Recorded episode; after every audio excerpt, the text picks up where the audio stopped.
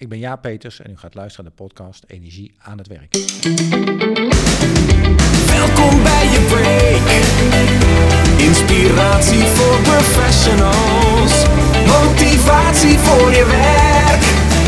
Arjen Bach maakt alle energie weer in je los. Sluit je aan bij Energy That Works.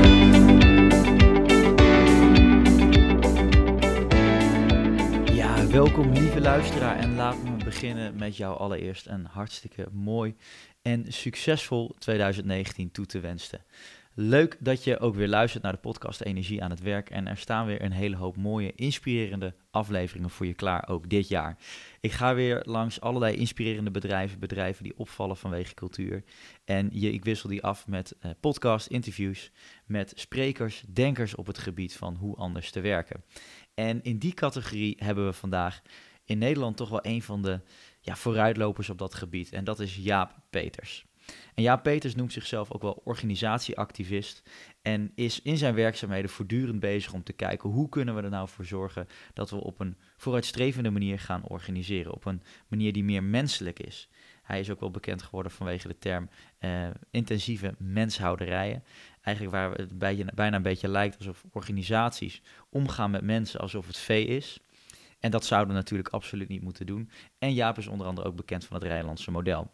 Ehm, hij geeft ook Flow Magazine uit. Dus hij doet ontzettend veel rondom dat thema. Hij schrijft boeken. En ook in dit interview gaan we even een dwarsdoorsnede eh, nemen van alles waar hij mee bezig is. En waar hij in gelooft en hoe hij denkt dat het werken anders georganiseerd zou moeten worden. Het wordt dus eh, een ins- inspirerend interview, dat mag ik wel zeggen. Maar ook vanuit heel veel verschillende invalshoeken. Hij haalt een aantal hele mooie metaforen uit. Onder andere eentje uit de Formule 1, waar ik later nog weer een artikel over heb geschreven. eh, die ook zeer treffend is wat mij betreft. Dus ehm, ja, kijk vooral wat je daaruit mee kan nemen. Maar dat het nuttig gaat zijn voor je, dat geloof ik sowieso. Tot slot ook nog even een welkom aan de nieuwe luisteraars die via de andere kanalen zijn gekomen. Dus bijvoorbeeld HR Community. En ik wil je ook vooral uitnodigen om je te abonneren op de podcast. Dat kan eh, onder andere via de iTunes Store, dat kon altijd al, eh, op de Apple Store. Eh, maar we staan ook sinds kort op Spotify. Dus daar kan je ook zoeken op energie aan het werk of gewoon op mijn naam arjenbannach.nl. En je kan ook altijd eventjes gaan naar de website www.energieaanhetwerk.nl. Dus abonneer je eventjes. En tot slot, als jij nog een leuke gast weet, echt een gaaf bedrijf die opvalt vanwege de manier waarop ze werken, dan mag je mij dat ook laten weten. En dan nu het interview met Jaap Peters.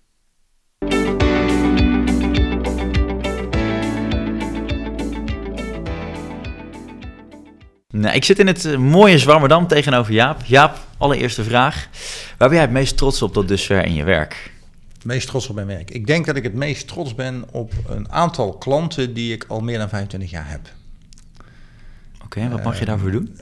Eh, nou, eh, ja, je begint daar eigenlijk als adviseur. En op een gegeven moment eh, eh, eh, ja, kom je zeg maar bijvoorbeeld in de raad van toezicht terecht van zo'n organisatie. En dat dwingt je ook, zeg maar, om eh, steeds ook jezelf te vernieuwen. Want je kunt natuurlijk niet 25 jaar precies hetzelfde verhaal vertellen. Nee. En je evolueert eigenlijk mee met die klant.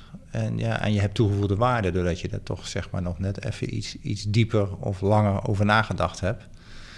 eh, wat daar dan speelt. Ja, dat, dat vind ik wel heel, eh, daar ben ik wel trots op. Ja, dat, Ja. dat, En, en de wereld verandert eigenlijk en als adviseur moet je dan mee. moet je mee veranderen, Ja, ja. ja. En, je, en, en je moet, eh, ja, terwijl zo'n klant dan op zich vaak al, althans die, die ik hier nou in mijn gedachten heb, al op zich marktleider zijn. Ja, Ja, en dan zijn ze marktleider. En eh, ja, dan word je natuurlijk eh, ja, intellectueel wel uitgedaagd van ja, dan, eh, om meer waarde te leveren aan een marktleider. Dat is best ingewikkeld. Ja. want het is misschien Ik zal er niet zeggen dat ik daar wakker van lig, maar dat, ma ja, dat, Ja. Dat, dat, is, ja, dus dat maakt het wel spannender. Ja, En dan is het misschien ook moeilijker om het eh, te blijven dan om marktleider te worden. Ehm, ja, nou, ja, dat denk ik wel, ja. Je, het is een- ik denk net als in de sport, hè. een Ja. keer winnen is één, maar eh, vier jaar achter elkaar eh, de 10.000 meter winnen op de Olympische Spelen, Winterspelen, dat, dat is natuurlijk best ingewikkeld. Ja, Ja, dat geldt hier ook, ja. ja. Je komt op een steeds, letterlijk op een steeds hoger niveau terecht. Eh, ik heb toevallig vanochtend een, eh, verhaaltje in de Volkskrant gelezen over die pitstops in de, de, in de Formule 1. Ja. Ik weet niet of je dat toevallig ook gezien hebt. Nou ja, zeg maar in 1950 of zo was een pitstop duurde één minuut. En dat was al, nou ja, vergelijk zelf even. Als je Ja. je vier winterbanden onder de auto moet leggen, hoe lang dat duurt. Ja, ja, ja. Dus in 1950 was één minuut al tomeloos snel. En, en, eh, en de, de ploeg van Max Verstappen, die kan het eh, binnen twee seconden nu. ja. Binnen twee seconden, hè? Sterker nog, daar worden wedstrijden op Ja, gewonnen. daar worden Eh, die- wedstrijden die, op die, paar tienden. ja, nou, dat vind ik echt heel fascinerend. Eh, hoe zeg maar zich zoiets eh, evolueert, ja. Ja. En, en, en, en, en, ja, en nu zit men dus aan een punt, maar dat zal men vast eerder gezegd hebben, van sneller kan niet. Ja. En dat is een beetje het verhaal van de 4-minute mile, dat op een gegeven moment toch iemand het laat zien. En dan, ja, dan, eh, ja, ja. ja. en daar heeft dus ook, eh, dat zie je ook in het verhaal in de krant stond ook, dat er diverse doorbraken in geweest zijn. eh, ja, die, die niet voor mogelijk gehouden werden. Ja, totdat ze gebeuren. Ja.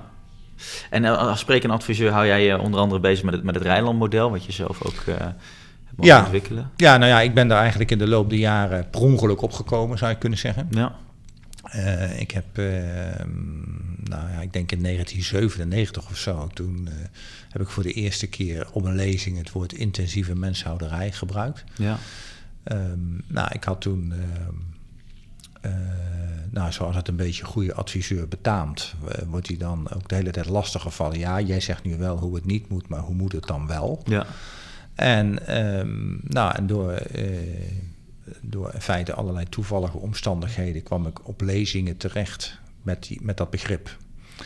En, ehm, en, daar, en op die lezingen ontmoette ik het dan ook met je Weggeman, hè, met, eh, weet je voor de pauze een spreker en na de pauze Ja. een spreker. Dus, en toen ontmoette ik Mathieu daar een paar keer, omdat eh, mensen die je uitnodigden vonden ons zo goed bij elkaar passen en die verhalen zo mooi aansluiten. ja, Want ik had het dan meer over de organisatie en Mathieu had het dan meer over vakmanschap en leiding geven aan professionals die doen.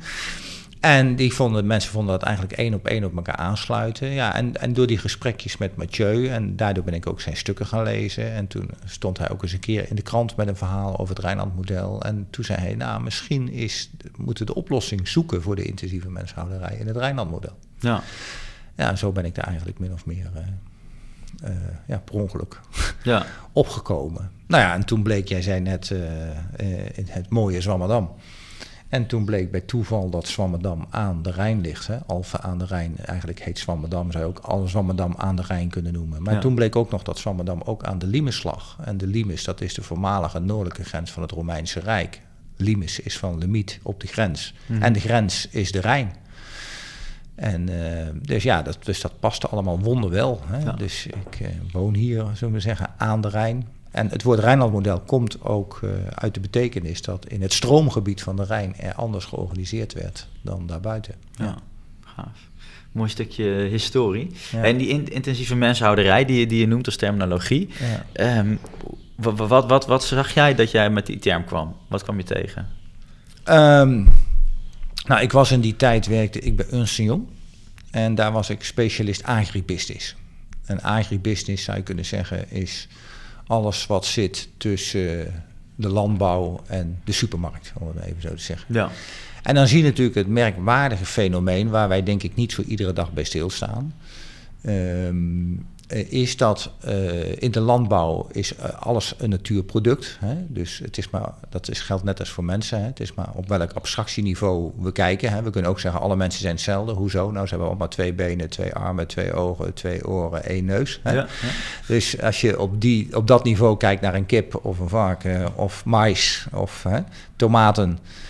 En, maar je ziet in, in, in, de, in, in veel gebieden van de landbouw, niet overal, maar daar kom ik zo nog even op, zie je dat er dus een enorme behoefte is om te standaardiseren. Terwijl het allemaal in feite uniek is. Hè? Want als jij tegen de slager zegt, nou net zo lekker carbonaatje als vorige week, ja dat kan niet, want dat andere carbonaatje komt van een ander varken.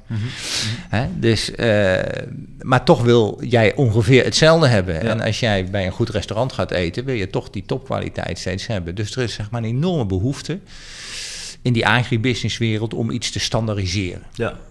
Nou, en, en in die wereld zie je eigenlijk ook dat er weer ja, twee varianten zijn. Hè? Die- wat wij noemen de intensieve landbouw, maar ook de biologische landbouw.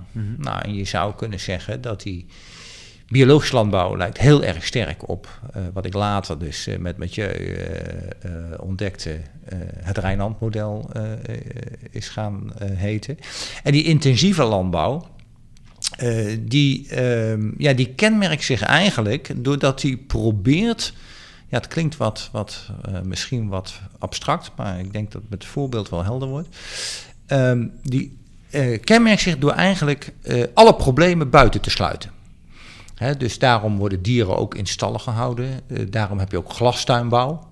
Hè, dus je wil eigenlijk het echte leven, zullen we zeggen, dat hou je buiten de deur. Ja. En dan binnen de deur kun je alles perfect optimaliseren. Nou, en dat, en dat noemen wij de intensieve landbouw. Nou, als je bijvoorbeeld met die blik kijkt naar hoe een school ingericht is, een lagere school, hè, primair onderwijs zoals we dat noemen, dan zie je eigenlijk dat zo'n primair onderwijs gewoon identiek is aan een intensieve varkenshouderij. Ja. Men sorteert eh, de biggetjes op leeftijd, hè, in dit geval de kindjes. Ze worden op een bepaald moment in de stal gelaten. Ze krijgen allemaal hetzelfde voer. Eh, ze moeten allemaal dezelfde toets doorstaan. Hè. Zijn wij op een bepaald moment op het juiste gewicht? Ja. Eh, ze, worden allemaal, ze hebben allemaal dezelfde kritieke succesfactoren waar ze doorheen moeten worden gejast. Ja. Er wordt helemaal niet gekeken naar de kwaliteit van het kind. En als een kind het niet kan, dan ligt dat niet aan het systeem, dan ligt dat aan het kind. Ja. Nou, dat is een intensieve menshouderij. En dat is eigenlijk bij varkentjes ook zo. Dus als jij bijvoorbeeld van kippen, noem maar dwars gaat. Hè, van kippen weten we dat ze dan binnen 38 dagen 2 kilo moeten zijn. Hè, dat is hun CITO-toets. Nou, op het moment dat je die, eh, dan weet je ook na 19 dagen, als die nog niet 1 kilo is, hè, noem dat het kerstrapport, dan weet je al, oh, dan heb ik een groot probleem. Hè. Ja. Een boer kijkt dan ook naar een kip als zijnde, nou heb ik een probleem. Want dat betekent dat hij wel voer eet, maar dat niet omzet in vlees, maar in mest. Ja. Nou, heeft hij twee problemen. Die kip wordt te licht en ik, heb, en ik voldoen niet aan mijn mestquotum. Ja. Dus ja, wat doe ik dan met de kerst met zo'n kip? Snap je? Ga ik daar dan nog 19 dagen mee door met de wetenschap dat hij die 2 kilo niet haalt? Of eh, haal ik hem maar van school af, zal ik maar zeggen. eh, want dan heeft hij ook geen invloed op mijn eindexamen eh, toetscijfers. Waar ouders weer dan in de Volkskrant lezen. Oh, dat is toch niet zo'n goede boerderij. Want die Ja. Kinderen halen allemaal de CITO-toets niet op een bepaald niveau. Ja. Ja, zo, zoiets. Ja. Ja. En je trekt nou de metafoor met, met, met de basisschool, maar dat is dus eigenlijk wat ook in heel veel organisaties. Het gebeurt overal. Ja. Ja, het gebeurt overal. Hè. Dus, dus je, je maakt van mensen maak je human resources. Hè. Ja. Dat is een, bekend begrip. Nou, het woord human resource is op zich al, Ja, denk ik, ja, wat, wie, wie verzint zoiets? Ja. Maar dat komt natuurlijk omdat in 1911 eh, verscheen het eerste managementboek van Taylor. En daar staat op bladzij 2, in de Nederlandse versie op bladzij 12, onderin staat... In het verleden zetten we de mens centraal, dat moeten we niet meer doen. We moeten het systeem centraal stellen. Nou, daar is eigenlijk, zou je kunnen zeggen, de hele bullshit mee begonnen. Ja. Eh, dat heeft niet alleen nadelen gehad hoor, want daardoor hebben we ook een enorme welvaart met elkaar bereikt. Hè? Als jij nou je hersens niet gebruikt, eh, maar jij gedraagt je als human resource zonder hoofd, en jij Ja. noemt in het vervolg de rest van je leven een ander jouw hoofd, Ja. ja, jouw afdelingshoofd of jouw hoofdkantoor, nou dan hoef jij je hoofd niet te gebruiken en jij krijgt gewoon keurig betaald. Ja. Dus jij komt dus tijd voor geld ruilen. Ja. Nou, en Taylor zei ook, nou dat is ideaal, want ja, als ze maar allemaal initiatief nemen, komt natuurlijk geen flikker van terecht aan die lopende band. Nee. Dus, eh, en tot op zekere hoogte kun je dat gedrag nog heel goed herkennen in McDonald's, in Starbucks. Hè, dan heb je voor één kop koffie zes man nodig of Ja. zo. Dat is best wel bijzonder dat dat... Je zou zeggen, dat kan toch nooit werken, maar ja, dat werkt wel. Als ze hun hersens niet gebruiken, Ja. werkt dat. Ja. En, en als, als, als, oplossing of tegenhanger van, van, dat, van dat intensieve menshouderij, Ja. zou dan kunnen zeggen, is het Rijnlands model. ja, zo is het eigenlijk, zo is het idee ontstaan. Ja. Ja, ja. En, en kan je eens even kort uit de doeken doen wat, wat dat dan inhoudt? Nou, het, het, het- wat ik bij en regelmatig gebruik, eh, de- daar staat ook nog een boek, eh, bij welke reorganisatie werk jij? Dat is de opvolger geweest van het boek Intensieve Menshouderij. En op de voorkant staat de arena eh, en het gras van de arena. Nou, dan zie je ook op die foto dat er allemaal licht op dat gras staat. Hè? En er staan ook windturbines en beregeningsinstallaties. Ja. Nou, dat is een mooi voorbeeld van zeg maar, de, de intensieve grashouderij. Hè? Ja. Het gras groeit niet. En, en er staat ook onder die foto, heb ik gezet, gras groeit vanzelf. Behalve als je er een organisatie omheen bouwt. Ja. Hè, nou, dat zie je eh, bijvoorbeeld, het, eh, ik ben zelf Arnhemmer, eh, het Gelredoom, daar wordt het gras naar buiten gezet. Ja. En dan wordt het zeg maar in de echte tijd gelegd. Ja. En, eh, en doordat het in de echte tijd gelegd wordt, komt de echte zon erbij, komt de echte regen erbij, komt de echte wind erbij. En dan groeit het wel vanzelf. Hè? Dus je zou kunnen zeggen, alles wat je te veel eh, buiten de echte tijd zet. Ja. Hè? Kijk ook weer even naar de intensieve veehouderij. Ja. Ja, dat heeft allerlei interventies nodig. Niks gaat meer vanzelf. Nee. Hè? Dus een, een kip die opgehokt zit, eh, die gaat niet meer scharrelen. Nee. Nou, eh, dat zie je ook, dat medewerkers die eh, eh, jarenlang opgehokt gezeten hebben bij de afdeling debiteuren of crediteuren. En die moeten in één keer naar het nieuwe werken toe. Nou, die schrikken zich te pletter. Ja. Want die zijn gewend dat het voer naar ze toe komt. En dat de shit door facility management afgevoerd wordt. Nou, dat je eh, scharrelen klinkt romantisch. Maar scharrelen betekent voor een dier dat hij zijn eigen voer moet zoeken. Wat veel ZZP'ers wel kunnen. Ja, en dan zie je natuurlijk ook hoe ingewikkeld eh, dat dan is als je dat zeg maar even honderd jaar niet meer gedaan hebt. Ja. Hè? Want jij, jij hebt het niet gedaan, maar jouw ouders hebben het ook niet gedaan en jouw voorouders ook niet. Hè? We hebben nu ongeveer, eh, ja, de industriële revolutie is ongeveer eh, zeg maar 150 jaar oud. Ja. En het eerste managementboek is eh, van 1911. ja. Ja. Interessant. Dus dat, dat, dat Rijnlandse, dat is in ieder geval iets wat, wat organisaties kan helpen om te zorgen dat het weer menselijk wordt. Ja, je zou kunnen zeggen, je, je, je, de- de dehumanisering probeer je weer eh, tegen te gaan. Ja. En, en wat heel belangrijk is, wat een intensieve organisatie eh, kenmerkt, is dat de planning centraal staat. hè. Ja. Dus, eh, dus de planning- en controlecyclus, die staat ook heel centraal. Dat is op zich heel grappig. Dus als de planning gehaald wordt, dat is ook heel interessant bijvoorbeeld met al die bonusregelingen. Dat, dat als de planning gehaald wordt, krijg je een bonus. Ja. Nou, of de realiteit er beter van geworden is, dat doet er helemaal niet toe. Als ik de planning maar haal. Ja. Nou, dus dan krijg je natuurlijk ook. Hè, ik heb een aantal jaren bij eh, een accountantskantoor gewerkt. Eh, ja, dat je ook ziet bijvoorbeeld dat er een enorm verschil kan zijn, zeg ik altijd, tussen de, de conceptjaarrekening en de eindjaarrekening. Want de conceptjaarrekening zitten nog mensen bij, die hebben dat in elkaar gezet zonder allerlei politieke bedoelingen. Ja. Nou, dan moet die eindjaarrekening, ja, dan komen de beurs komt erbij, weet je ja, dan komen er allemaal cijfers komen er eh, aan te pas. Nou ja, je moet nog maar eens eh, de geschiedenisboekjes nastaan hoe het met de familie Baan eh, gegaan is toen Baan eenmaal op de beurs was. Ja, bij de beurs stelt het er niet toe hoe de realiteit is. Nee. De realiteit interesseert mensen helemaal niks. Hè? Kijk hoe Soekenberg met de mensen omgaat. Joh, waar het over gaat is, creëer ik waarde voor de aandeelhouder. Ja. Het feit dat, eh, ik heb daar ook, eh, hè, vind ik ook interessant, hè, dat zo'n Cinec met zo'n simpel modelletje, hè, eh, why, how, what, ja, dat die zo populair is. Ja, dat is die, omdat in Amerika de why, dat, ja, why, ja, hoezo de why? Het gaat over de aandeelhouder. Ja. Het gaat niet over mensen. Nee. Dan kijk, nou joh, we moeten het niet ingewikkeld maken.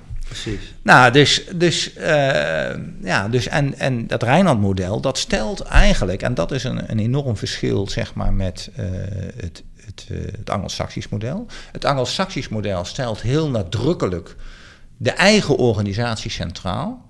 En het Rijnland-model stelt niet de organisatie centraal, maar datgene wat moet worden georganiseerd. Ja. En daar zoekt het een organisatievorm bij die dat ondersteunt. Niet andersom. Ja.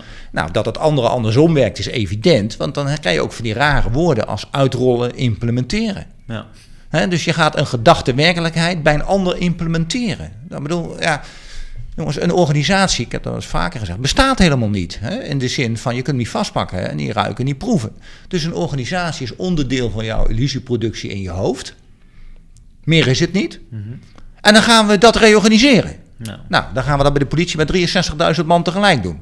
Ja, daar komt echt geen fluitvlekken van terecht hoor. Nee. Nee. En dan gaan we weer met Den Haag zeggen: nee, dat gaat, daar hebben jullie nou vier jaar de tijd voor. Nou, forget it. Ja. Forget it. Nou, en dan gaan we daar weer allerlei managementmodellen op verzinnen. Nee, die organisatie zit tussen de oren bij die mensen. Nou, daar zit al 100 jaar die hark. Nou, dat gaat echt niet zo 1, 2, 3 veranderen. Nee. Dat duurt even. Dat is wel interessant. Ik wil er zo meteen nog wel even op Ja, terugkomen. want. Het is wel fascinerend wat je ziet. Maar als je dan zegt dat het Rijland hè, kijkt vooral van wat is dan de maatschappelijke waarde? Ja. Eh, wat is de bijdrage die je levert? En zoek dan de goed mogelijke eh, organisatievorm daarbij. Ja, En, en wa- wat ja ik dan... draait dat om. Ja, ja. Ja, En wat ik dan wel interessant vind, is dat die maatschappelijke waarde, wat je laat net al even Simon Sinek vallen, eh, is dat nog niet eens elke organisatie in Nederland heeft zo'n maatschappelijke waarde. ja. Eh, maar hoe, hoe zorg je nou dat je iets, iets, iets formuleert, iets vindt als organisatie waar ook personeel dan daadwerkelijk in gelooft? Dat, dat alle collega's. Nou ja, ik, ik, de, de, de, eh, in, de, in de laatste slow management staat het bedrijf Renza beschreven. Ja. Ehm, ehm, een, een, vrij fors bedrijf met een paar honderd mensen in, de, eh, gevestigd in Didam, in de, de Achterhoek. Nou, daar is zeg maar de, de, de collectieve ambitie, de missie van Renza, is onderdeel van, zullen we zeggen, bijvoorbeeld eh, de intake hè, Ja. van het werving- en selectiegesprek. Ja.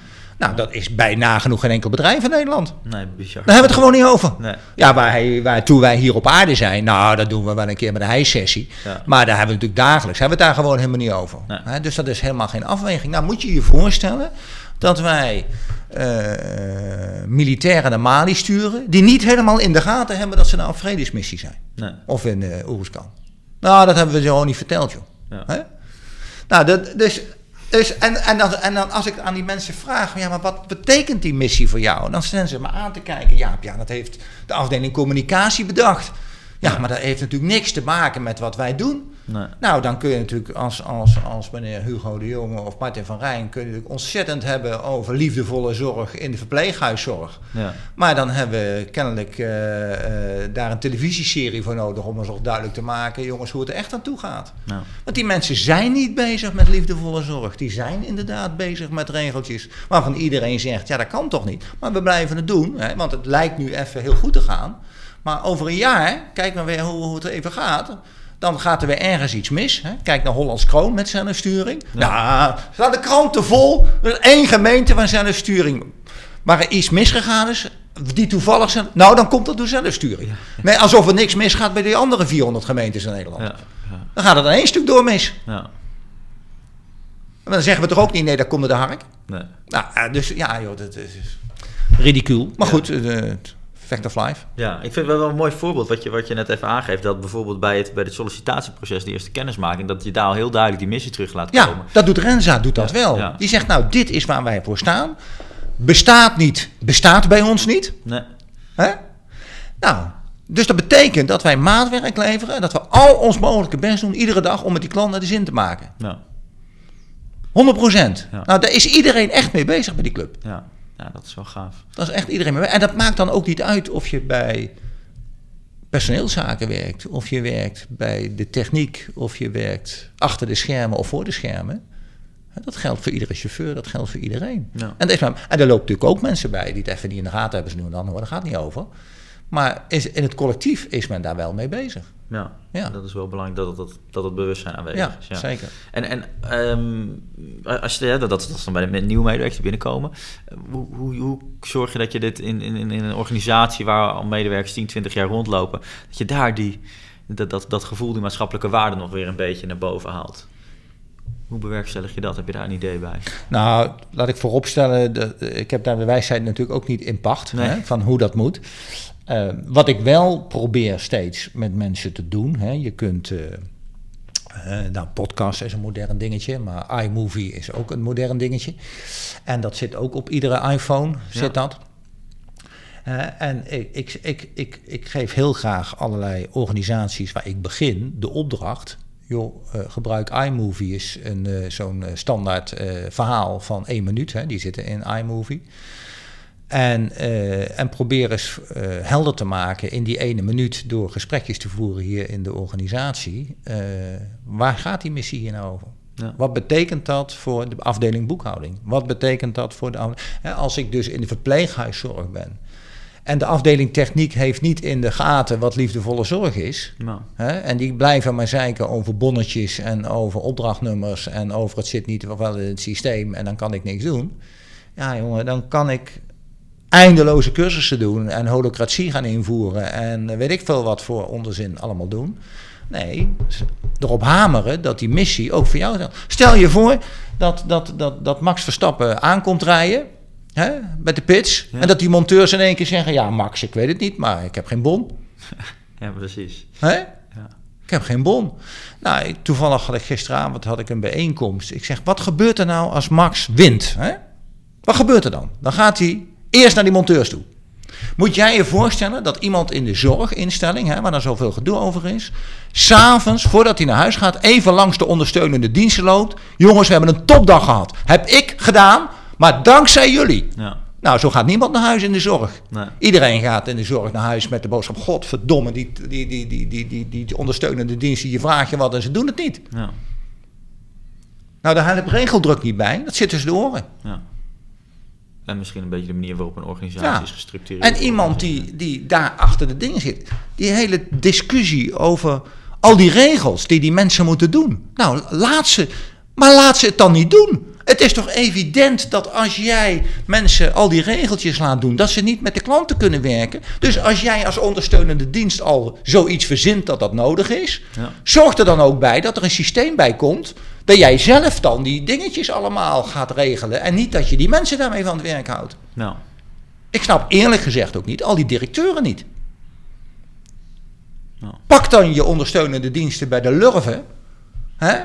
En sleep ze erbij. En zet ze aan het bed bij die mensen. En zeggen, nou, dit is waar het hier over gaat. ja. Sluit je niet op op de zesde etage. Hier gaat het over. Nou, nou doet niemand. Nee. Ja, een enkeling. En wat directeuren wel doen, ja, gaan ze zelf de werkvloer op. Nou, dat is hartstikke goed. Prima. Want dan weet je in ieder geval waar het over gaat. Maar pak vooral die ondersteunende diensten bij de lurven die niet ondersteunen. ja. Maar in de weg lopen. Dus dat is eigenlijk het, het, inzichtelijk maken van verhalen van emotie. Om te zorgen dat je echt laat zien waar, waar het Ja, allemaal om waar de missie over gaat. Ja, En die missie, en dat heet ook in het Rijnlands de collectieve ambitie. ja. Want het is de missie van iedereen. Ja. Het maakt niet uit welke functie jij hebt. Nee, iedereen draagt daar op zijn manier aan bij. Ja, ja. en dat is wat Max zo mooi laat zien als hij wint. Ja. Als hij niet wint, dan laat hij het ook zien. Ja. Maar hij heeft wel in de gaten dat hij ontzettend afhankelijk is van die mannen. Ja. Ja, als die ja, 22 mannen die wel niet goed wisselen, wat we een paar keer nu de afgelopen keer gehad hebben, Ja. ja, dan weet iedere, iedere coureur weet van ja, ik ben afhankelijk van mijn ondersteunende diensten. Ja. En, en het mooie is ook dat iedereen daar meeleeft met toch de prestatie van één persoon. Maar iedereen dat inderdaad wel als, als, als een De team. Ja, ja. Ja, het Ah, bijzondere vind ik ook nog dat ze twee volksliederen in de afloop eh, spelen hè, bij de Formule 1. Ja, ja. Ja. Het, het gaat niet alleen om de... Het gaat niet alleen voor de, over, de, over, de, over de coureur, maar ook over het, eh, con- het, het constructieteam. Ja, Ja, Ja. mooi. wel bijzonder, ja. Ja. En als je dan zo'n collectieve ambitie met elkaar hebt geformuleerd, Ja. dan zeggen jullie volgens het Rijnlandse model, dan moeten we het organiseren, teruggeven aan de professionals. Ja. Ja, dat is eigenlijk een beetje de clue. Hè. Eh, vergelijk het even, ik vind het dat wel een mooie, makkelijke metafoor, die van eh, Lego-dozen. Ja. Hè, als jij naar Blokker gaat, eh, bestaat die nog? De blokken staan er nog. ja. Maar je koopt een Lego-doos, zeg maar, en je koopt een kant-en-klaar Lego-doos, dan pak je wel een Lego-steentje, maar een ander heeft dat al betekenis gegeven. Hè, dus je zou kunnen zeggen, een kind is een human resource geworden in een projectplan van eh, Lego Denemarken. Vanwege het doosje waarop staat, je moet dit bouwen. dit, hè, dus ieder steentje wat hij pakt, heeft al betekenis gekregen. Nou, Ja. en, en de clue is eigenlijk, hè, je hebt ook over zoveel freestyle Lego heet dat. Eh, dan mag je dat zelf verzinnen. En hoe meer eigenlijk mensen zelf de organisatie produceren, Ja. en niet managers dat doen, maar mensen dat doen, krijg je ook meer wat wij dan noemen eigenaarschap. Ja. En door dat eigenaarschap hebben ze ook het gevoel van autonomie. En doordat ze autonomie eh, voelen, hebben ze ook meer lol in het werk. Ja. Daarmee wordt het werk niet makkelijker. Want als je meer autonomie hebt, heb je ook meer verantwoording. Ja. Maar je hebt wel meer lol, omdat je de baas bent over je eigen werk. Ja. Ja, dat is een beetje het geheim van het Rijnland, zou je kunnen zeggen. Mooie metafoor. Ik, ik kan, als ik dan even terugga naar mijn kindertijd, dat als ik inderdaad iets afmaakte, zoals het op plaatje stond, dan, ja, dan was ik tevreden, maar dan was dat het en dat ging na een Ja. aantal dagen weer kapot. Maar ik heb ook wel eens inderdaad projecten zonder de tekening gedaan en Ja. dat ging dan dagen door, Ja, omdat dat nooit af was. Nee. En dat, dan krijg je inderdaad dat gevoel van eigenaarschap. ja. Ja, dus dat is mooi. Hoe, hoe houden managers en bestuurders dat dan misschien dan een beetje in het oude model, hoe houden die dat een beetje tegen? Want Ik denk dat ze dat. ehm, eh, ja, dat, ja, dat doen ze niet bewust, denk Nee. ik, laat ik vooropstellen. Maar wat, wat, wat ze wel doen, en, en mensen doen dat zelf ook. Hè, eh, want eh, ook bij de, vo- ik, ik ben voorzitter van de voetbalclub. Hè, dus als er dan iets fout gaat, wijst iedereen naar het bestuur. ja, Ja, het bestuur had mij moeten vertellen dat. Hè? Nou, we hadden van de week nog zo'n grapje over een grensrechter. Die dan niet wist dat er nieuwe spelregels waren voor het, voor het vlaggen. Nou, dat is al, weet ik veel, een paar jaar ingevoerd. Ja. Maar het was door het, bestuur hem, door het bestuur hem nooit gezegd. Dan denk ik, ja, een beetje grensrechter zou toch zijn eigen vakliteratuur ook bij moeten werken. Eh, Toch al lang in de gaten moeten hebben gehad. Ja. Maar kennelijk kan dat dus toch al. Ik geloof dat het in 2015 ingevoerd is of zo. Ja. Dus dit gaat er vier jaar. Loopt die grensrechter, die wist dat niet. Nee. Nou ja, dus dat was natuurlijk ondertussen wel een paar keer verteld. Ja. Maar ja, hij verwees dan toch, ja, dat was toch het probleem van het bestuur. Want die had hem niet verteld dat er nieuwe spelregels waren op het fluit. Ik denk, kan niet waar zijn. Maar ja, zo, zo denkt men dan, ja. Ehm, dus ik denk, eh, en dat zie je ook wel, dat eh, een van de uitspraken van Cruijff vind ik in dat punt ook eh, fantastisch. Die, die zegt, ja, als ik gewild had dat je het begrepen had, had ik het wel beter uitgelegd. Eigenlijk is dat een hele goeie. Mhm. Want hij, hij zegt, ik leg het uit, maar daarna verwacht ik dat je zelf je hersens gebruikt. Ja. En, en, ehm, nou, en dat is denk ik eh, ja, wat hier ook steeds speelt. Hè? Dus, dus gedraag je niet als human resource, maar gedraag je als een volwaardig mens. Waarbij jouw hoofd op je, ho- op je romp zit en niet je afdelingshoofd is. Ja. Ja, en, en, ja, en die kant gaan we denk ik ook wel weer uit. Ja. Hoor. Dus dat is ook onmiskenbaar. ja, je hoort in ieder geval overal, voel je die wens heel erg aanwezig om op zo'n manier te organiseren. Ja, en het is ook logisch, hè, want als, ehm, kijk, ik, ik, ik, ik vertelde straks even over iets over 1911. Ja, toen maakten wij producten, maar tegenwoordig zijn wij natuurlijk veel de zogenaamd wat wij noemen kenniswerkers. Ja. Nou, een kenniswerker die heeft zijn hoofd op zijn eigen romp zitten. Ja. Dat kan niet eens een afdelingshoofd zijn. Nee. Dus eh, dus eh, bij kenniswerkers is het evident, zeg maar, dat, eh, dat je jezelf je hersens moet gebruiken. En wat ik zelf daar een, een heel belangrijk dingetje wel in vind, we hadden het straks even over het mobieltje. Eh, ja, de clue van het mobieltje, zeker doordat het GPS heeft, eh, eh, kan die eigenlijk door de appstructuur, kan die alle informatie die jij nodig hebt naar, jou, naar de locatie brengen waar jij op dat moment bent. Ja. Nou, dat is wel handig als je alle informatie op locatie hebt, dat je dan ook een besluit mag nemen. Ja. Hè?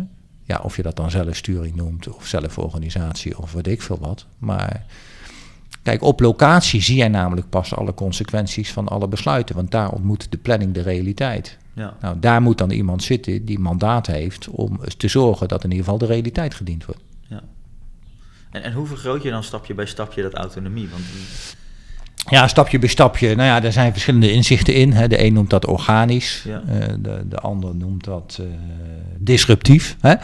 Ehm, ehm, ik, ja, ik, ik, ik, ik weet het niet. Ik denk dat het van de situaties afhangt. Ik, ik heb, laat ik zeggen, goede ervaringen met disruptief. Ja. Hè, dat je eh, op maandag, op je vrijdag zegt, nou, toen hebben we het zo gedaan. En op maandag gaan we het nu anders doen.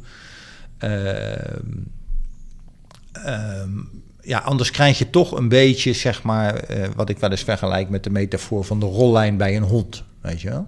Zo'n hond heeft dan een rollijn van, eh, weet ik veel, 10 meter. Hè? Ja. Eh, die denkt dan, ik loop vrij, ja, totdat hij iets doet wat hij kan. En dan in één keer wordt die lijn aangetrokken. Hè? Ja. Ja, dat- daarna is het, is, het, is het nog maar weer een meter Ja, korter. ja, eh, dat. Nou, ik denk, ik denk, ja, dan kun je dat organisch noemen. Ik denk dat het beter is dat je het disruptief doet, zou ik maar zeggen. Hè? Van, ma- maak mensen maar van de een op de andere dag eindverantwoordelijk voor hun werk. Ja. Maar zorg wel dat je ontzettend goede hulp hebt als het even niet lukt. Ja. En, en, en met goede hulp bedoel ik ook geen cynische hulp. Hè? Dus eh, ik, wat ik veel hoor in organisaties is dat men dan moet gaan zelf sturen. Nou, dat lukt dan niet. En dan is de reactie, ja, je moet nu zelf sturen hoor. En eh, ja, ik mag jou niet meer helpen nu. En eh, ja, nee, je moet het nou toch zelf doen? Nou, nou, nou, dan doe ik het mezelf. Ik doe het nou niet meer.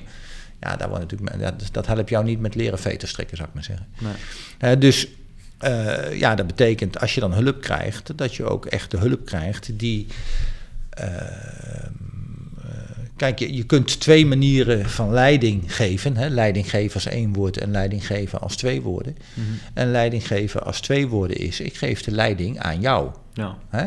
En wat je daarmee zegt, is dat je de autonomie van de ander wil vergroten. Eigenlijk eh, wat je ook probeert te doen met het opvoeden van je kinderen. Je wil niet dat je kinderen eindeloos van jou afhankelijk zijn. Nee. Dus je wil dat die kinderen autonomer worden. En op een gegeven moment, daar geef je ze ook zakgeld voor. Hè? Dus dat is ook, ook zoiets. Hè? We geven kinderen wel zakgeld om te oefenen, maar medewerkers hebben geen pasje van de zaak. Nee. Of bij de politie, ze mogen helemaal niks, maar ze hebben wel een pistool. Ja. Ja. Dus het ergste wat je iemand kunt toevertrouwen is een pistool. Dat mag wel. Gaat ook gelukkig nooit fout in Nederland bij die 40.000 mensen hè, die een pistool hebben bij de politie. Of Ja. zelden fout in ieder geval. En, en ik, ben, ik kan me geen incident herinneren. Hè? Nee. Dus we, we trouwen het verschil tussen een leven ze dood wel toe. Hè? Wat we met verpleegkundigen ook doen. Ja. Maar ze hebben geen pasje van de zaak. Ja. Nou, bloody shame. Echt, echt een bloody shame. Ja, terwijl als- je zo'n groot verantwoordelijkheidsgevoel hebt, dan zou een pasje van de zaken hoe dan ook wel goed moeten komen. Tuurlijk.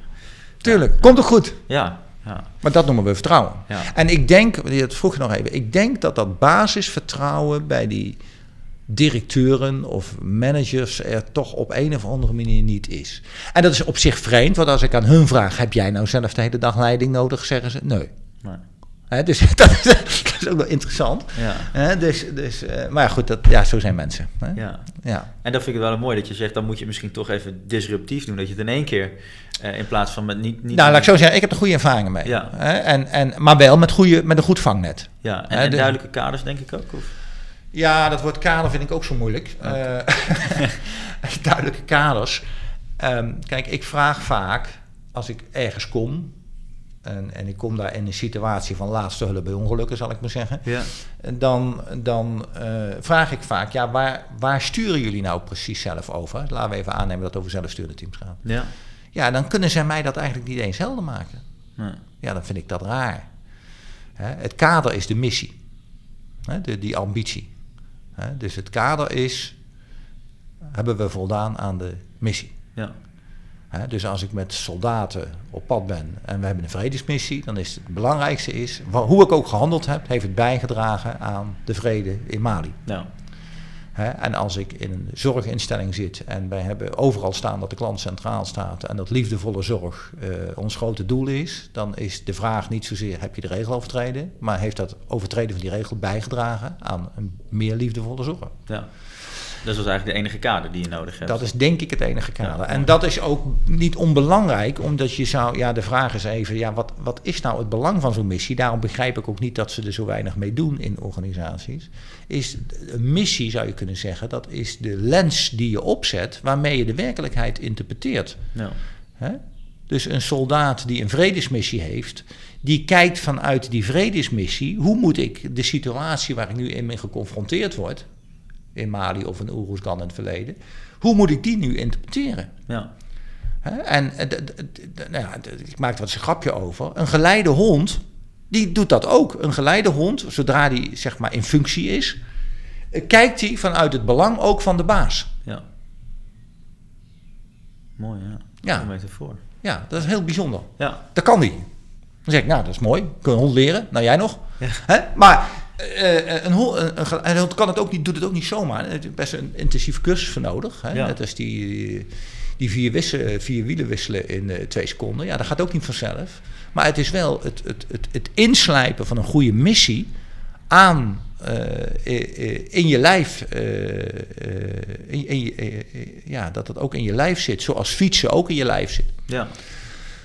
Hè, en autorijden zit ook in je lijf. Hè? Dus op het moment dat jij eh, in één keer een file ziet, dan doet dat been automatisch het goede. Ja. Dat, dat wordt echt niet aangestuurd door je hoofd. Nee. Hè? Dus nou, dat, dat is eigenlijk waar het over gaat. En dan moet je eigenlijk automatisch het goede doen. En dat is dan het kader. Ja. En al die andere kaders, dat geeft alleen maar verwarring. Precies. Ja. Ja. En als ik je dan nog een- paradox mag voorleggen, wat, wat je dan wel vaak tegenkomt, is dat aan de ene kant eh, leidinggevende, hoofden, zoals je het eigenlijk niet mag noemen, zeg je, eh, roepen tegen medewerkers van joh, Leidinggevende met twee woorden. Ja, precies. Ja, ja, eh, zeggen, dan neem nou eens meer die ruimte, pak nou eens wat meer autonomie, neem meer initiatief. ja. Maar waarop medewerkers zeggen, ja, maar ik krijg veel te weinig ruimte, er is veel te weinig tijd voor mij om bezig te gaan met extra initiatief. ja. Die paradox kom je neem ik aan ook wel. ja heel veel Ja. natuurlijk. Ja, die, dus- Hoe, hoe vlieg je dat aan? Heb je, wat, Ehm, nou ja, kijk, eh, eh, wat wij doen meestal, eh, ik zeg meestal, hè, want het altijd andere, andere situaties zijn, is dat we, kijk, je hebt in bestaande situaties, hè, ehm, heb je te maken ehm, ja, dat je het oude en het nieuwe min of meer gelijktijdig aanwezig is. nou, Hè? Ehm, nou, en, en je hebt dus ook te maken met een zekere mate van een, een veranderproces. Tegenwoordig noemen ze dat eh, transformatie hè? en transitie, maar vroeger noemden we dat gewoon veranderen. Ja. En, en, en, en de clue eigenlijk van, het ligt even aan van de verandering, maar stel dat je naar zelfsturing meer wil, dan is vaak de clue dat dat veranderproces ook al zelfsturend is. En wat, wat we vaak zien in de praktijk is dat dat, dat veranderproces is dan toch weer top-down. Ja. Dus we gaan top-down, gaan we zelfsturing implementeren. Ja. Er zijn zelfs boekjes die zo heten. Ja, dat kan niet. Nee. En eigenlijk zou je kunnen zeggen, is, is, is dat veranderproces is op zich de pilot om te onderzoeken hoe pak ik die veranderruimte. Ja. Want dan zeggen die mensen, die zeggen dan, ja, maar wat moet ik dan doen, weet je wel? Dus dat vergelijk dan, dan weer met die kinderen. Die kinderen die, die, die, die 100 jaar lang, zeg maar, kant-en-klaar Lego-dozen gebouwd hebben... en je geeft ze in één keer een hoop Lego zonder denkplattegrond erbij... Ja. Ja, die vragen dan gelijk aan papa, ja, wat moet ik dan nu doen? Als papa dan voor de eerste keer zegt, nou, dat mag je nu zelf weten. Nou, dan kijkt hij met grote ogen aan, ja, dat kan ik toch niet? Ja. Nou, dan zeggen die managers, ja, zie je wel, ze kunnen het niet. Ja. Nee, dank je, de koekoek. Ja. Hè? Ja. Dus, dus, dus ja, je moet ja, weer leren, zeg maar, in plaats van, eh, als je het in een muziekmetafoor doet, je moet weer leren, zeg maar, eh, een liedje te componeren. En niet Ja. alleen maar kant-en-klaar bladmuziek na te spelen. Ja, en dat is voor veel mensen, is dat weer even wennen. Ja. Ja, maar het geeft wel ontzettend veel genoegdoening als je dat lukt. Ja. Ook al is het nog zo'n kutliedje. Hè? Maar dat, dat is natuurlijk waar het over gaat. Ja, dus die top-down, eh, die top-down beslissing van we gaan het implementeren zou je niet moeten doen. Maar je Nee. zou eigenlijk neer moeten leggen van "J- jongens, we hebben een missie. We hebben een missie, En hoe zien jullie de beste en, manier van en, en organiseren? wij willen graag dit en dit doen. Ik gebruik daar vaak overigens de termen in. eh ik, verbeterpunten vind ik ook zoiets. Weet je Ja. Maar ik gebruik vaak de Peter. Waarvoor schamen wij ons hier in dit bedrijf? Ja, Hè? Waarvoor schamen wij hier ons in dit bedrijf? Nou, en laten we nou al die schaampunten eens gewoon aan de muur plakken met elkaar. ja, Hè? En schamen, dat maakt niet uit of dat de voorkant of de achterkant van de organisatie is. Mhm. hè? Want het is allemaal schamen. En, en, en, en, en schaamte komt van binnenuit. ja. Hè? Met schaamte kun je niet schuiven. Nee. Hè? De schuld wel. Dat is jouw fout, dat is jouw fout, dat is jouw fout. Nee, schaamte komt bij jou en dan wil jij veranderen. En dan ga je net zo lang met elkaar zitten aanhoeren tot je het geregeld hebt. Ja, En dat die schaamte weg en dat die schaamte omgezet wordt in trots. ja, Dat hebben we hier best wel aardig voor elkaar, zou ik maar zeggen. ja. Ah, Ja, en dat, oefening. en dat is denk ik eh, ja, hoe je die dingen aan kunt pakken. En vaak zullen dan mensen wel zeggen: ja, als ik er zelf over ga, kan ik het ook voor de klant beter regelen. Ja, Als ik nergens over ga, kan ik het voor de klant ook niet regelen. nee. Hè? De, de, de praktijk is dat mensen eh, vaak klem zitten tussen de leefwereld en de systeemwereld. Hè? De, eh, de Ik- thematiek van Wouter Hart is dat toch volgens mij? Of? Nou, ja, ja, Wouter Hart heeft dat geleend van eh, de filosoof Habermas. Oké. En, ehm, eh, en, maar je zou kunnen zeggen, de, de, de, de, nou, ehm, de, de, de, de- als, als we gaan eten met z'n allen, hè, Ja. stel dat we met z'n hè, papa, mama, drie kinderen. Hè, eh, Wouter gebruikt ook veel zijn kinderen als metafoor. Ja. Nou, en ik zet drie pannen op tafel, ja, met vlees, aardappel en groenten. Eh, dan is dat de systeemwereld. Ja, De zelfsturing is dat wij het met z'n vijven zo regelen dat we allemaal aan onze trekken komen. Mhm. Hè? Maar in heel veel tafels is het zo dat moeders dan opstaat en dan het eten gaat verdelen, ja, hè? Wat uit de systeemwereld komt, hè? zodat het op het bord ook nog de systeemwereld wordt. Snap je? Ja, ja, ja. Nou, dat is eigenlijk in de notendop waar het over gaat. ja. Hè? Dus die systeemwereld is er, want dat kan niet anders. Hè? Want daarom hebben we drie pannen nodig, want dat is verschillende maaltijden. Dat is wat we silo's noemen in de organisaties. Hè? Ja. De silo's die langs elkaar heen werken. Maar op het moment dat het dan in de praktijk moet werken, moet het gemengd worden. Nou, laat die mensen dat zelf mengen. ja. Want dan kunnen ze ook zien, dit kan ik op. Als moeders dat de lengte van hun leven blijft doen, denk ik dat ze de rest van hun leven ook vragen, ja, wat moet ik precies doen? Ja. Ja. Ik heb daar ook altijd discussie over met mijn moeder. Dat ik, dat ik dan wat te weinig, dan wat te veel opgeschept krijg. En Ja, dan, ja. en dan kan, kan ik het altijd weer afschrijven op iemand. In plaats Ja. van als ik het zelf doe. Dan is het eigenlijk wel ja, heel goed. Nou, dat is het. En ik denk dat de, de, de, de onderscheid tussen die twee werelden, en dat heeft Wouter heel goed gezien, eh, dat is heel erg belangrijk. Ja. Maar de, de, degene die zeg maar, op het raakvlak van allebei de werelden zitten, die dus zowel de pannen hebben als. En dan moet je je voorstellen, hè, als je dus die discussie van die pannen hebt. eh, dat we dan zeggen, nee, daar zetten we nog een manager op. Ja. Want daar zit budget op. Ja. Dus dan gaan we die kinderen zeggen, nee, je mag zelf het doen. Maar ondertussen gaat die manager, er steeds- nou snap je? Nou, dat, dat gaat dus niet. Nee. En daarom moet je toch zeg maar wat disruptiever aanpakken. Ja. Ja, ja. goed. En eh, eh, dan, dan, dan tot slot, eh, Jaap. Heb heb je nog wat voorbeelden van, van, van organisaties die op zo'n Rijnlandse manier georganiseerd zijn, waarvan je zegt, ja, dat, dat zijn mooie dingen die inspireren mij als, als denker, spreker op dit, op dit gebied. En dat zouden andere organisaties een Nou, waar, kunnen waar, waar, waar ik eh, met de afgelopen jaren eh, ook nou, wat nauw bij betrokken ben eh, geraakt, is die hele problematiek rondom die langdurige zorg, hè, de Mhm. verpleeghuiszorg. Ja. Ehm,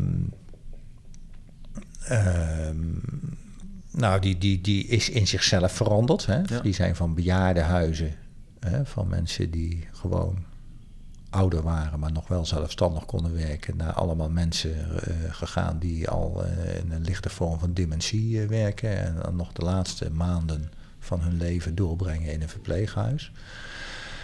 Ehm, dus dat is op zich een verandering. En daarbinnen zie je dus dat er natuurlijk zo ontzettend bezuinigd is aanvankelijk door eh, Rutte 2. Ja. Eh, nou, ik denk dat de omslag die daar gemaakt is, eh, nou, dat dat veel respect afdwingt. hè. Ja. Dat is denk ik door Martin van Rijn al goed aangepakt. Mede ook natuurlijk omdat met zijn eigen ouders in zo'n situatie kwamen.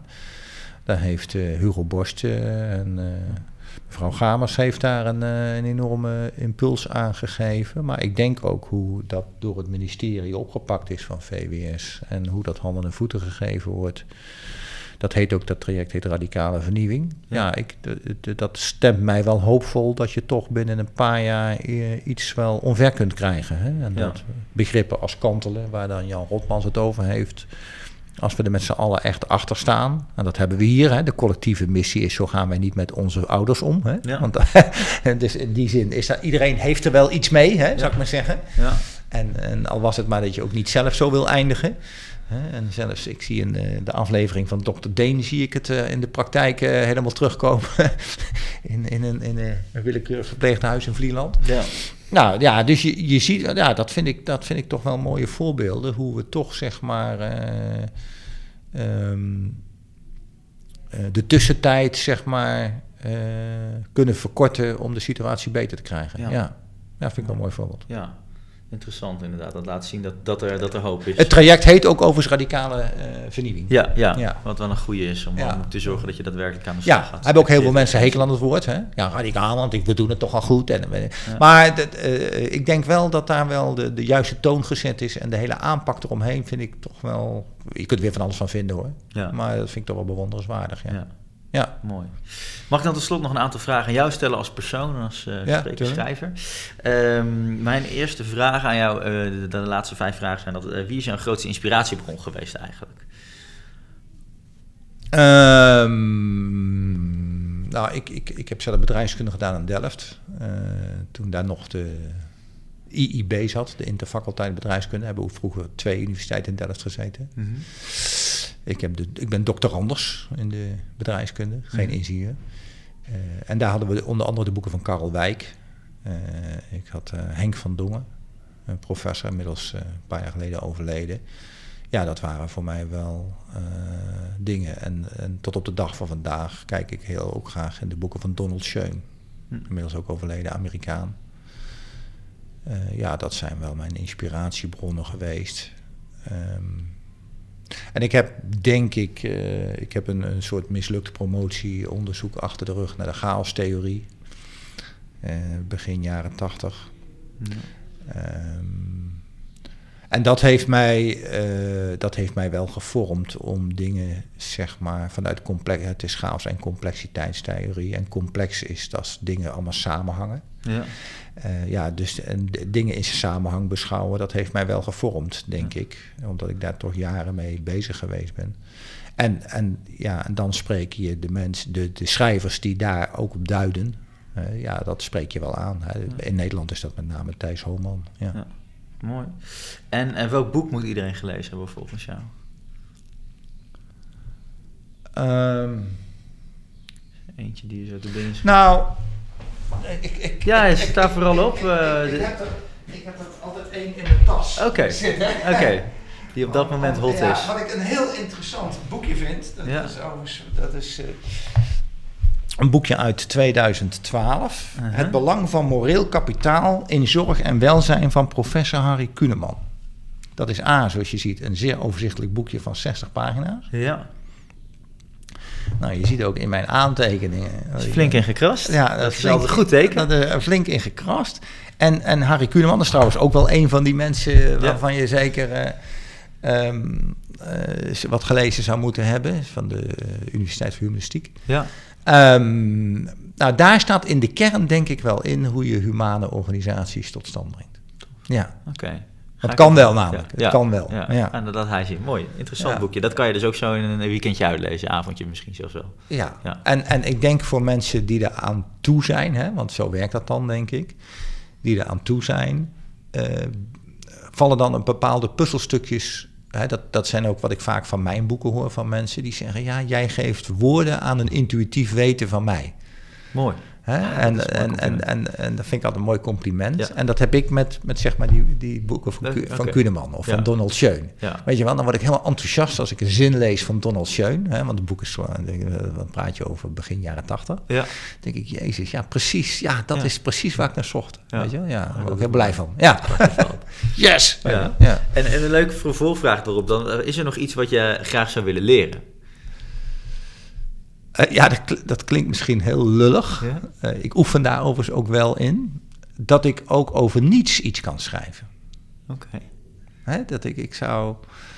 eh, Ik ben ontzettend jaloers altijd geweest, bijvoorbeeld op die hele korte gedichtjes van Toon Hermans. Ja, die toch iets raken. Die dan in, in vier zinnen of zo iets kan raken. denk ik, god, jongen, dan, dan, dan heb je toch het hoogste punt van, ja, ik zou bijna zeggen, van meesterschap heb je bereikt. Weet Ja. je wel? Als je zo weinig de woorden nodig hebt om, om, om de kloe te raken. Ja, ja. Ja, dit, dit is eigenlijk weer een beetje terug naar de eenvoud zoals het ook zou moeten in organisaties. Dat is niet zo denk het wel. Dat is die eenvoud, die overigens nu ook door eh, het schaduwkabinet van Jos de Blok bepleit wordt. Hè? Ja, ja. Hè, de, de, de eenvoud. ehm, eh, eh, ja, dat je. Maar waarschijnlijk. Nou, Johan, wat straks al even Johan Cruijff. ehm, eh, het is heel ingewikkeld om het eenvoudig te houden. ja. Zo- Precies, Zoiets, ja, hè? ja. En dat, eh, ja, je moet dingen dus heel goed kunnen doorgronden, eigenlijk, om het met één zin af te kunnen. Ja. Mooi. Ja. Eén Eh, laatste vraag dan. Wat zou ik volgens jou met een vrije dag of een vrij weekend moeten doen? Ehm, ik denk naar het Verzetsmuseum gaan. Oké, mooi. Ja. Ja, en, en wat is daar, wat hangt daarachter? Dat je bewust een keuze maakt in het leven van ga ik mee met de stromen of verzet ik me.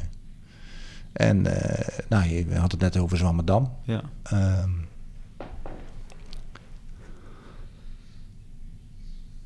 eh, ik heb ook een poosje de 4 mei vieringen hier mogen, of ja, eh, dodenherdenking mogen organiseren. Ja. En dan zie je dus dat mensen die in het verzet zaten, het was niet zozeer een keuze. Nee. Ze rolden erin. Ja. En eh, eh, dus het, het is niet zozeer altijd een één op één keuze van eh, ben ik voor of tegen. hè? Ben ik voor het Rijnland-model of tegen het Rijnland-model of ben ik, weet ik wel. Dat doet er helemaal niet toe. Hè? Nee. Maar je kunt wel kiezen voor een humane samenleving, denk ik.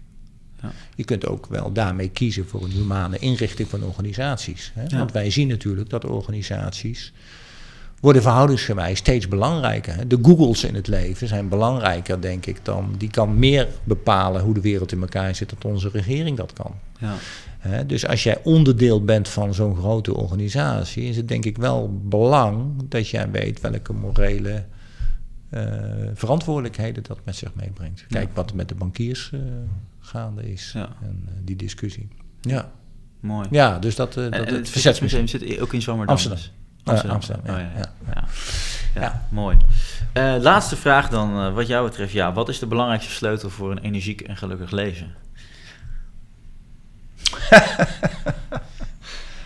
Ik denk het gevoel voor autonomie. Ja, dat je alles, eh, dat je zelf aan de knoppen staat. En, Dat je zelf aan de knop staat. Soms sta ik ook aan knoppen te draaien en denk ik, help geflikken. Maar, maar ik denk dat... Ik, heb, ik, ik, ben, ik ben begonnen in het eh, mbo-onderwijs als eh, student, werkstudent. Mhm. Dat was een fantastische tijd, want als werkstudent had je dan best een heel goed salaris. Ja. Maar ik had er wel in de gaten dat in dat mbo-onderwijs, ja, je zit weer in die klas, je zit vast aan systemen, weet je wel. Dus je bent het uitvoerder.